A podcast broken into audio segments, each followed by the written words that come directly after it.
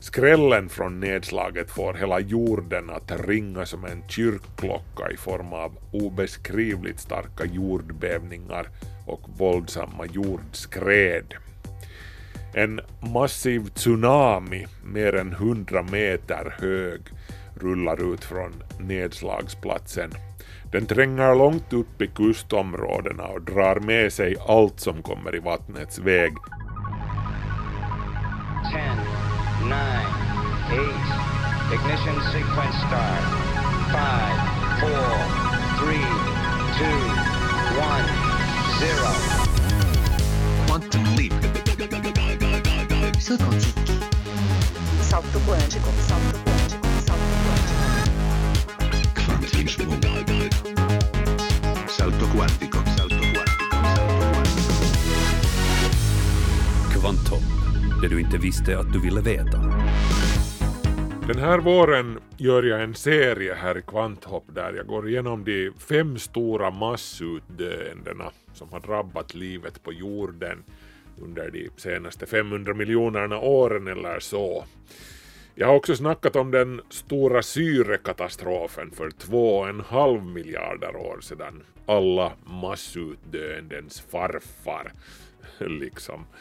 Eh, den här veckan ska det handla om det massutdöende som kanske har lämnat det största avtrycket i populärkulturen, nämligen asteroiden som slog ner och utplånade dinosaurierna och banade vägen för filmer som Jurassic Park till exempel.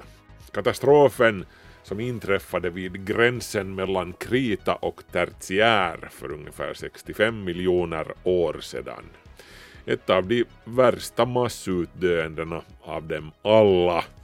Fast inte det allra värsta. Det ska vi återkomma till senare. Det här avsnittet sändes förresten ursprungligen våren 2020. Jag råkar fira sportlov med familjen den här veckan så hälsningar från Pargas skärgård.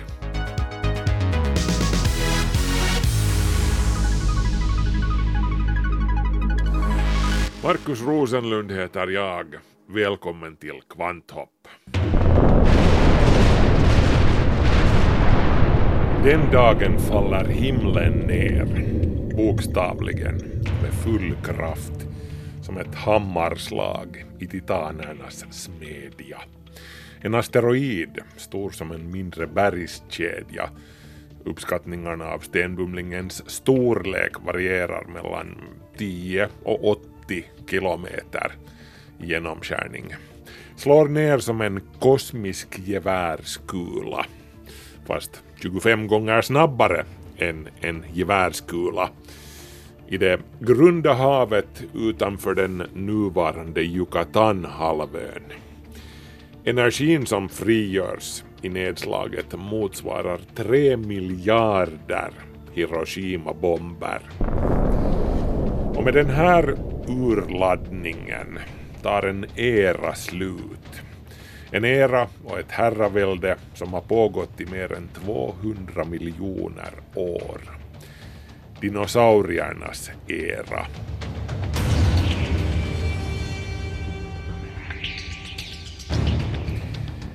Asteroidnedslaget som inträffade för 66 miljoner år sedan gav upphov till den väldiga Chicxulub-kratern nästan 180 kilometer tvärs över.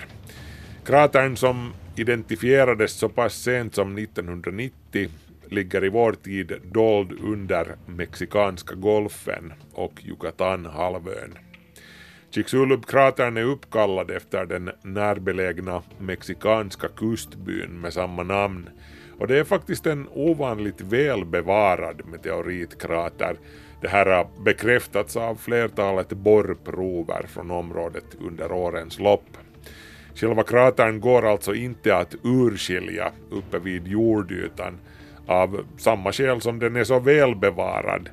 Den fylldes fort igen av sediment och rasmassor efter själva nedslaget, vilket alltså har bidragit till att skydda den från erosion under årmiljonernas gång.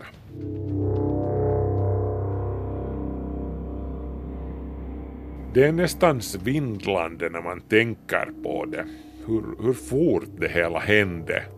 Hur fort allting förändrades för livet på jorden.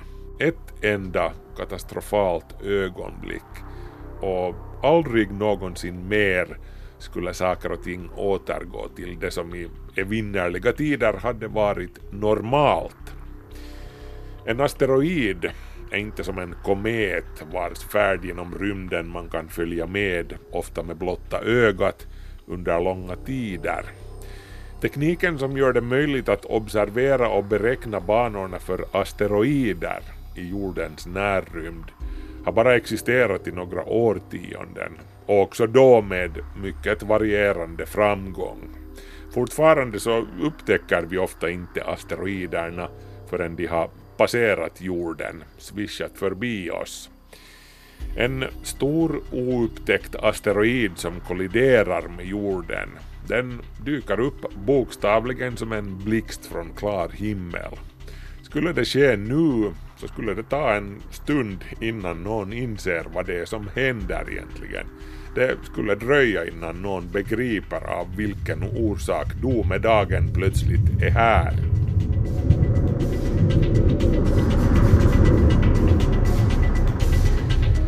Då talar jag alltså om de stenar som är så stora att de på riktigt lämnar kratrar efter sig. Inte de där småstenarna som detonerar i luften ovanför jorden, eh, sprängda i bitar av den enorma friktionen då de tvärbromsar i atmosfären. Mindre rymdstenar i stil med den vars krevad slog in fönsterrutorna i Tjeljabinsk i Ryssland 2013. Också den hade faktiskt en sprängkraft som hos 30 Hiroshima-bomber trots att den bara var stor som en buss ungefär. Hela staden befinner sig i chock. Det här var nog ett budskap från rymden om att vi bara är små sandkorn på den här planeten, säger en Tjeljabinsk-bo till Razia 24. Men nu snackar vi alltså inte om sådant smått krafs i klass med en buss, utan om den absoluta mördarklassen av asteroider, kilometerklassen, massutrotningskalibern. Chicxulub-asteroiden som slog ned den där ödesdigra dagen för 66 miljoner år sedan var uttryckligen av den klassen.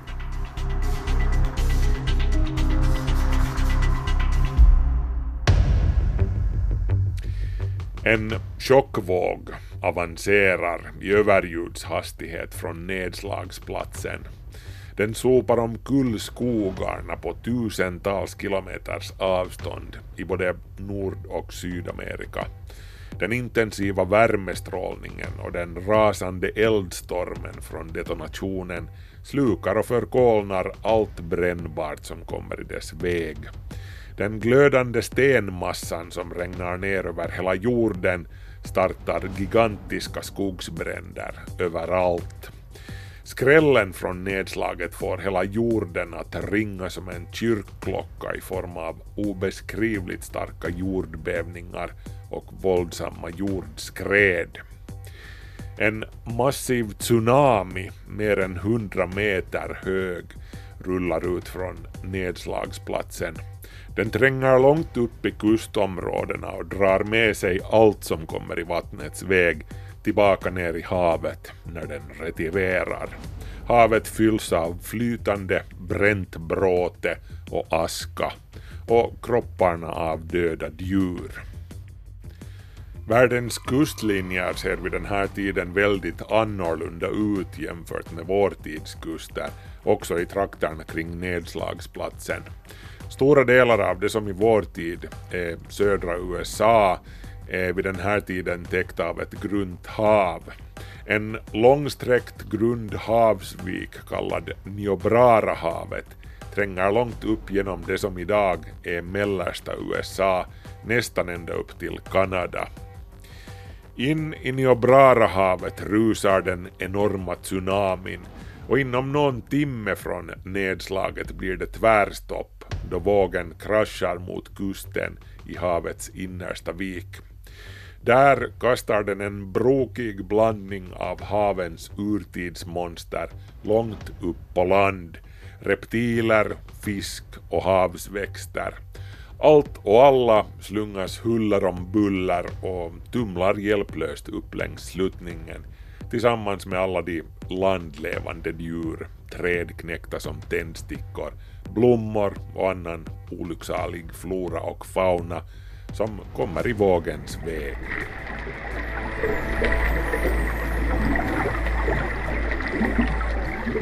Spåren av den här domedags-tsunamin går ännu i vår tid att studera i form av särdeles rika fossilfyndigheter, bland annat i North Dakota där jättevågen dumpade sina offer i en salig röra. Där blev de liggande intäckta av sediment och fossiliserade. Fossilbäddarna i North Dakota har gett forskarna en fascinerande insikt i skräckscenerna som utspelade sig under de apokalyptiska timmarna som följde direkt efter att asteroiden slog ned. Fossillagren i North Dakota är också pepprade med så kallade tektiter, små korn av lera och glas stänk från själva asteroidnedslaget som regnade ner från skyn i form av smält sten.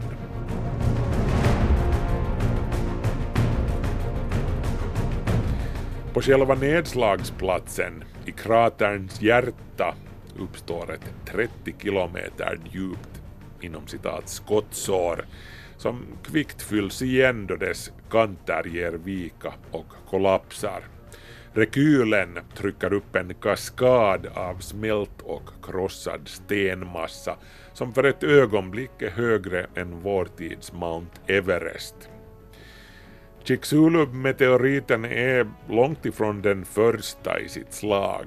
Jorden bär gott om ärr från de otaliga övriga fullträffar som vår hemplanet har fått ta emot från solsystemets kringflygande stenbråte de flesta kratrarna har hur som helst suddats ut av tiden och erosionen. Det här är en levande planet, trots allt, också geologiskt. Men den här skrällen för 66 miljoner år sedan är den kanske häftigaste och mest destruktiva enskilda händelse som livet på jorden har utsatts för sedan det tog över planeten på bred front. Det har beräknats att asteroidnedslag av motsvarande kaliber inträffar bara en gång eller så per 100 miljoner år. Vilket ju är goda nyheter för oss. Statistiskt sett så har vi ju med andra ord drygt 30 miljoner år på oss innan det är dags för nästa. Men bland annat för dinosaurierna är det liemannen som anländer i skepnaden av Chicxulub-asteroiden. Bomben från rymden ska komma att markera slutet för omkring tre fjärdedelar av allt djur och växtliv på jorden. Den markerar också slutet på kritaperioden och på den geologiska eran Mesozoikum.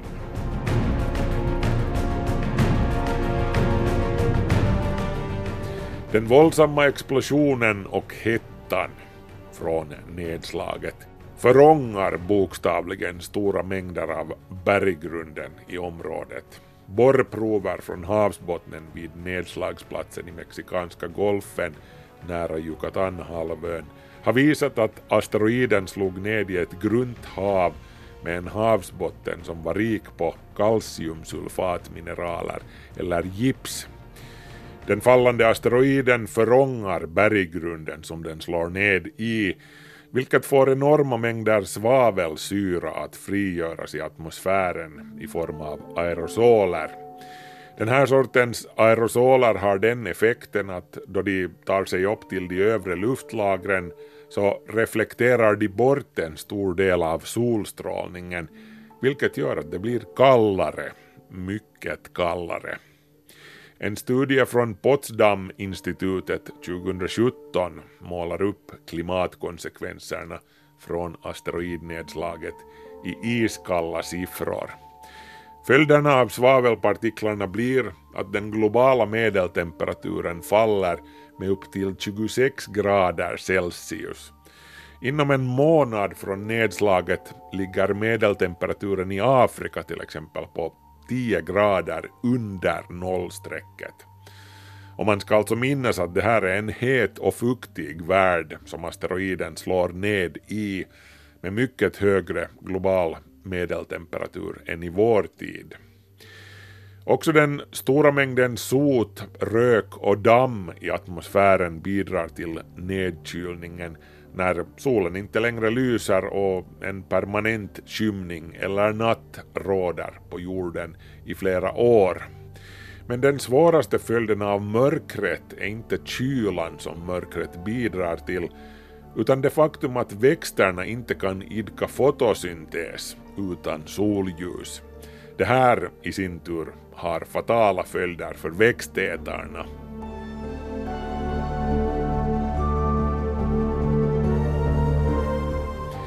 Den kallaste fasen av den här så kallade atomvintern med medeltemperaturen under fryspunkten på hela jorden pågår i minst tre år. Medeltemperaturen i tropikerna håller sig länge kring 5 grader Celsius jämfört med 27 grader Celsius innan nedslaget. Och det här är ju mera då liksom temperaturen som de flesta dinosaurierna hade utvecklats i och lärt sig tycka om. De normala temperaturerna återvänder inte på tre årtionden och då är det för sent för dinosaurierna. Världshaven förblir huvudsakligen isfria under hela den här tiden men de kyls ned kraftigt ända ner till 3 kilometers djup. Yttemperaturen faller från 21 grader Celsius till 6 grader Celsius. Då ytvattnet svalnar sjunker det ner i djupen och istället stiger det upp varmare näringsrikt vatten till ytan. Det här leder till kraftiga algblomningar, ofta giftiga, vars ångor driver in över kustregionerna och gör livet ännu surare för de livsformer som ännu uthärdar där. Svavelsyran i atmosfären leder också till brutala sura regn och till att haven blir rejält mycket surare. Det här i sin tur leder till att en stor del av alla plankton, inte minst de med kalkskal, dör ut. Eftersom plankton utgör basen för havens näringskedjor så får det katastrofala följder för allt liv i havet.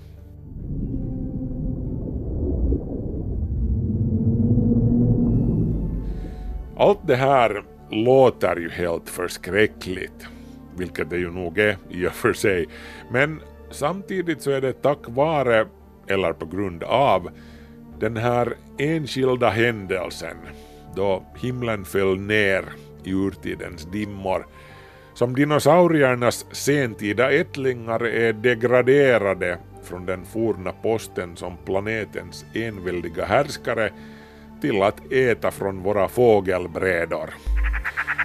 Fast man slås ju igen av hur liten skillnaden ofta är mellan liv och död. Det kanske inte hade behövt gå så illa. Dinosaurierna tycks bara ha haft riktigt särdeles dålig tur. Om asteroiden hade slagit ner bara några ögonblick tidigare eller senare skulle den ha slagit ner i betydligt djupare hav. Det här skulle ha inneburit en klart mindre mängd förångad berggrund och därmed mycket mindre svavel i atmosfären. Atomvintern hade blivit mycket mer kortvarig och dinosaurierna hade sannolikt överlevt.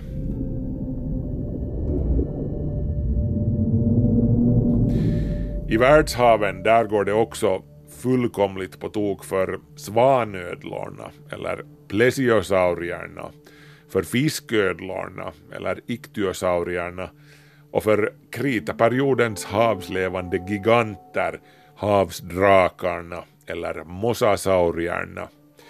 Inga av de här räknas till dinosaurierna alltså, och inga av dem överlever Chicxulub-asteroiden. Dinosaurierna de lyckas däremot skicka stafettpinnen vidare på sätt och vis. I skrivande stund i vår egen tid bygger ett par av deras sentida arvtagare bo under stugterrassen ute på vår sommarstuga.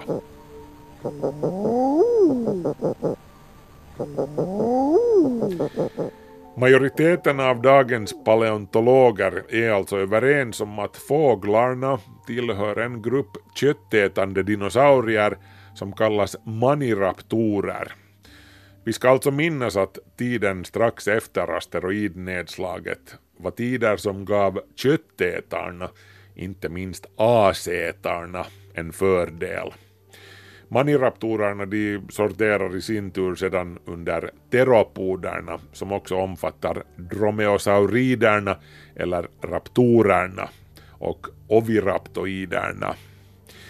Det ska medges att det kräver en aktiv viljeansträngning för att tänka sig att den anspråkslösa lilla gråsparven till exempel Passer domesticus hör till samma släkte som Jurassic Park-filmens blodtörstiga velociraptorer eller Gigantoraptor erlianensis, en åtta meter lång och ett och ett halvt ton tung oviraptosaurus som levde för omkring 85 miljoner år sedan i trakten kring dagens Mongoliet. Men så ligger det till fåglar, eller deras förfäder var de.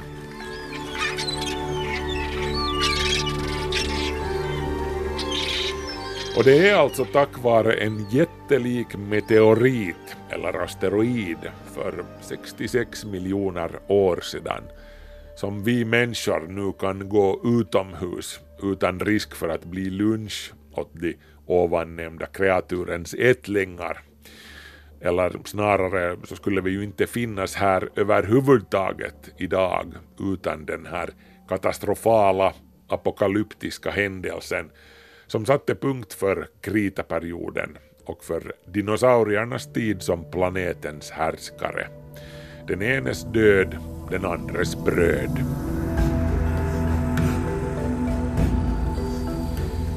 Men som sagt, det finns som alltid de som går ur det hela som segrare också. Däggdjuren till exempel. Åtminstone på lite längre sikt. Också däggdjuren tar nämligen massivt stryk i samband med asteroidkatastrofen med en upp till 90 procents decimering av stammarna i det som numera är Nordamerika. Det är av allt att döma på håret att även de, inklusive de tidigaste primaterna, våra direkta förfäder ska gå samma väg som dinosaurierna. Men nästan räknas ju inte ens i Nådendal, som vi vet.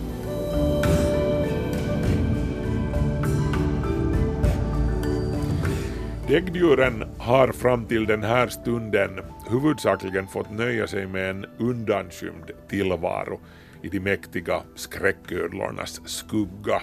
Få av dem blev någonsin mycket större än vår tids katter, vilket i det här fallet utfaller till deras fördel.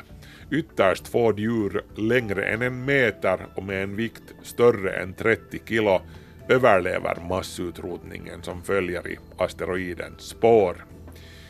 I de abrupt förändrade omständigheterna finner de små och flinka däggdjuren sig själva med en trumf på hand som ska komma att ge dem nycklarna till framtiden och till hela planeten, sin anpassningsförmåga.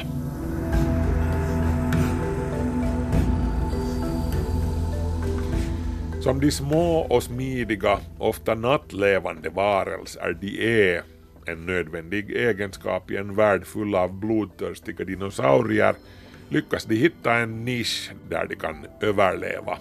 Dammet och röken från asteroidnedslaget och de globala skogsbränderna som rasar efteråt har dämpat ljuset, som sagt, och förmörkat solen.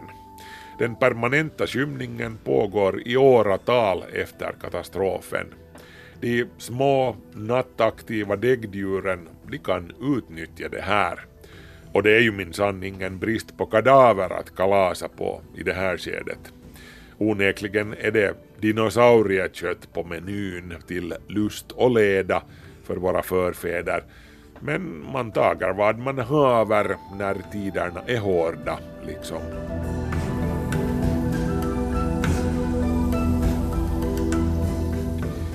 Under de 300 000 år som följer efter katastrofen lyckas däggdjuren återställa sin forna artrikedom, som faktiskt var ganska omfattande redan under dinosauriernas tid, och de utökar den ytterligare.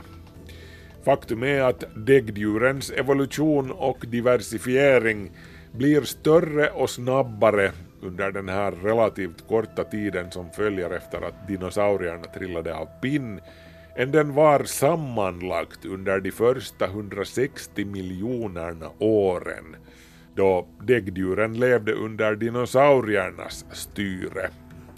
300 000 år, det kan för övrigt ungefär jämföras med den tid som den moderna människan har existerat här på jorden. Men om däggdjuren gör en remarkabelt snabb och stark comeback efter Chicxulub-asteroiden så gör det övriga jordiska livet också sitt bästa för att fylla nischerna. Till och med på platsen för själva nedslaget är livet snabbt tillbaka i form av blågröna alger eller cyanobakterier. Borrprov tagna från nedslagsplatsen 2016 har visat att de blågröna algerna flyttade in i kratern mer eller mindre så fort den hade svalnat inom bara några få år efter nedslaget. Det här är bokstavligen ingenting i geologiska sammanhang och det fungerar som ett prima exempel på livets förmåga att studsa tillbaka efter de mest obeskrivligt kopiösa mängderna stryk och förödelse. Forskarna de hade för övrigt inget problem med att identifiera tidpunkten för asteroidnedslaget i borrkärnan. Tack vare samma ledtråd som forskare runt om i världen kan använda för att peka direkt på Chicxulub-asteroiden i de geologiska avlagringarna utan att ens ta till förstoringsglaset. Samma ledtråd som från första början fick den nobelprisvinnande fysikern Luis Alvarez och hans son, geologen Walter Alvarez, att inse att det har inträffat en massiv asteroidkrock. Iridium. Året var 1980. Iridium med atomnummer 77 är en metall som förekommer i extremt sparsamma mängder här på jorden. På grund av att iridium är så tungt sjönk det mesta iridiumet på jorden ner i planetens inre då jorden ännu var ett klot av kokande lava. Däremot är iridium väldigt allmänt förekommande i, gissa vad, just det, asteroider.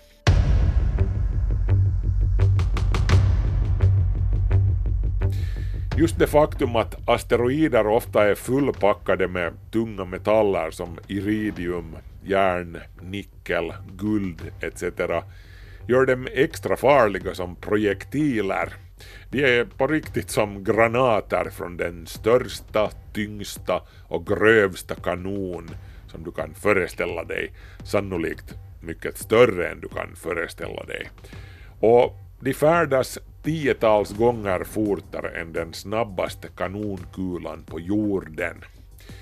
Och när de träffar så blir skottsåren i jorden blodiga, gapande och lämnar ett stort ärr. Överallt på jorden, vart du än kommer, kan du gå ner på huk och ta en titt på sedimentens årsringar i klippan och räkna dig ner genom årmiljonerna. Och överallt återkommer samma tunna gråa rand, bara några millimeter tjock. Det är uttryckligen iridiumdammet som lade sig efter asteroidnedslaget för 66 miljoner år sedan. Gränsen mellan krita och paleogen, mellan liv och död. ärret från dråpslaget som dödade dinosaurierna. Dammet efter himlen som föll ner på jorden.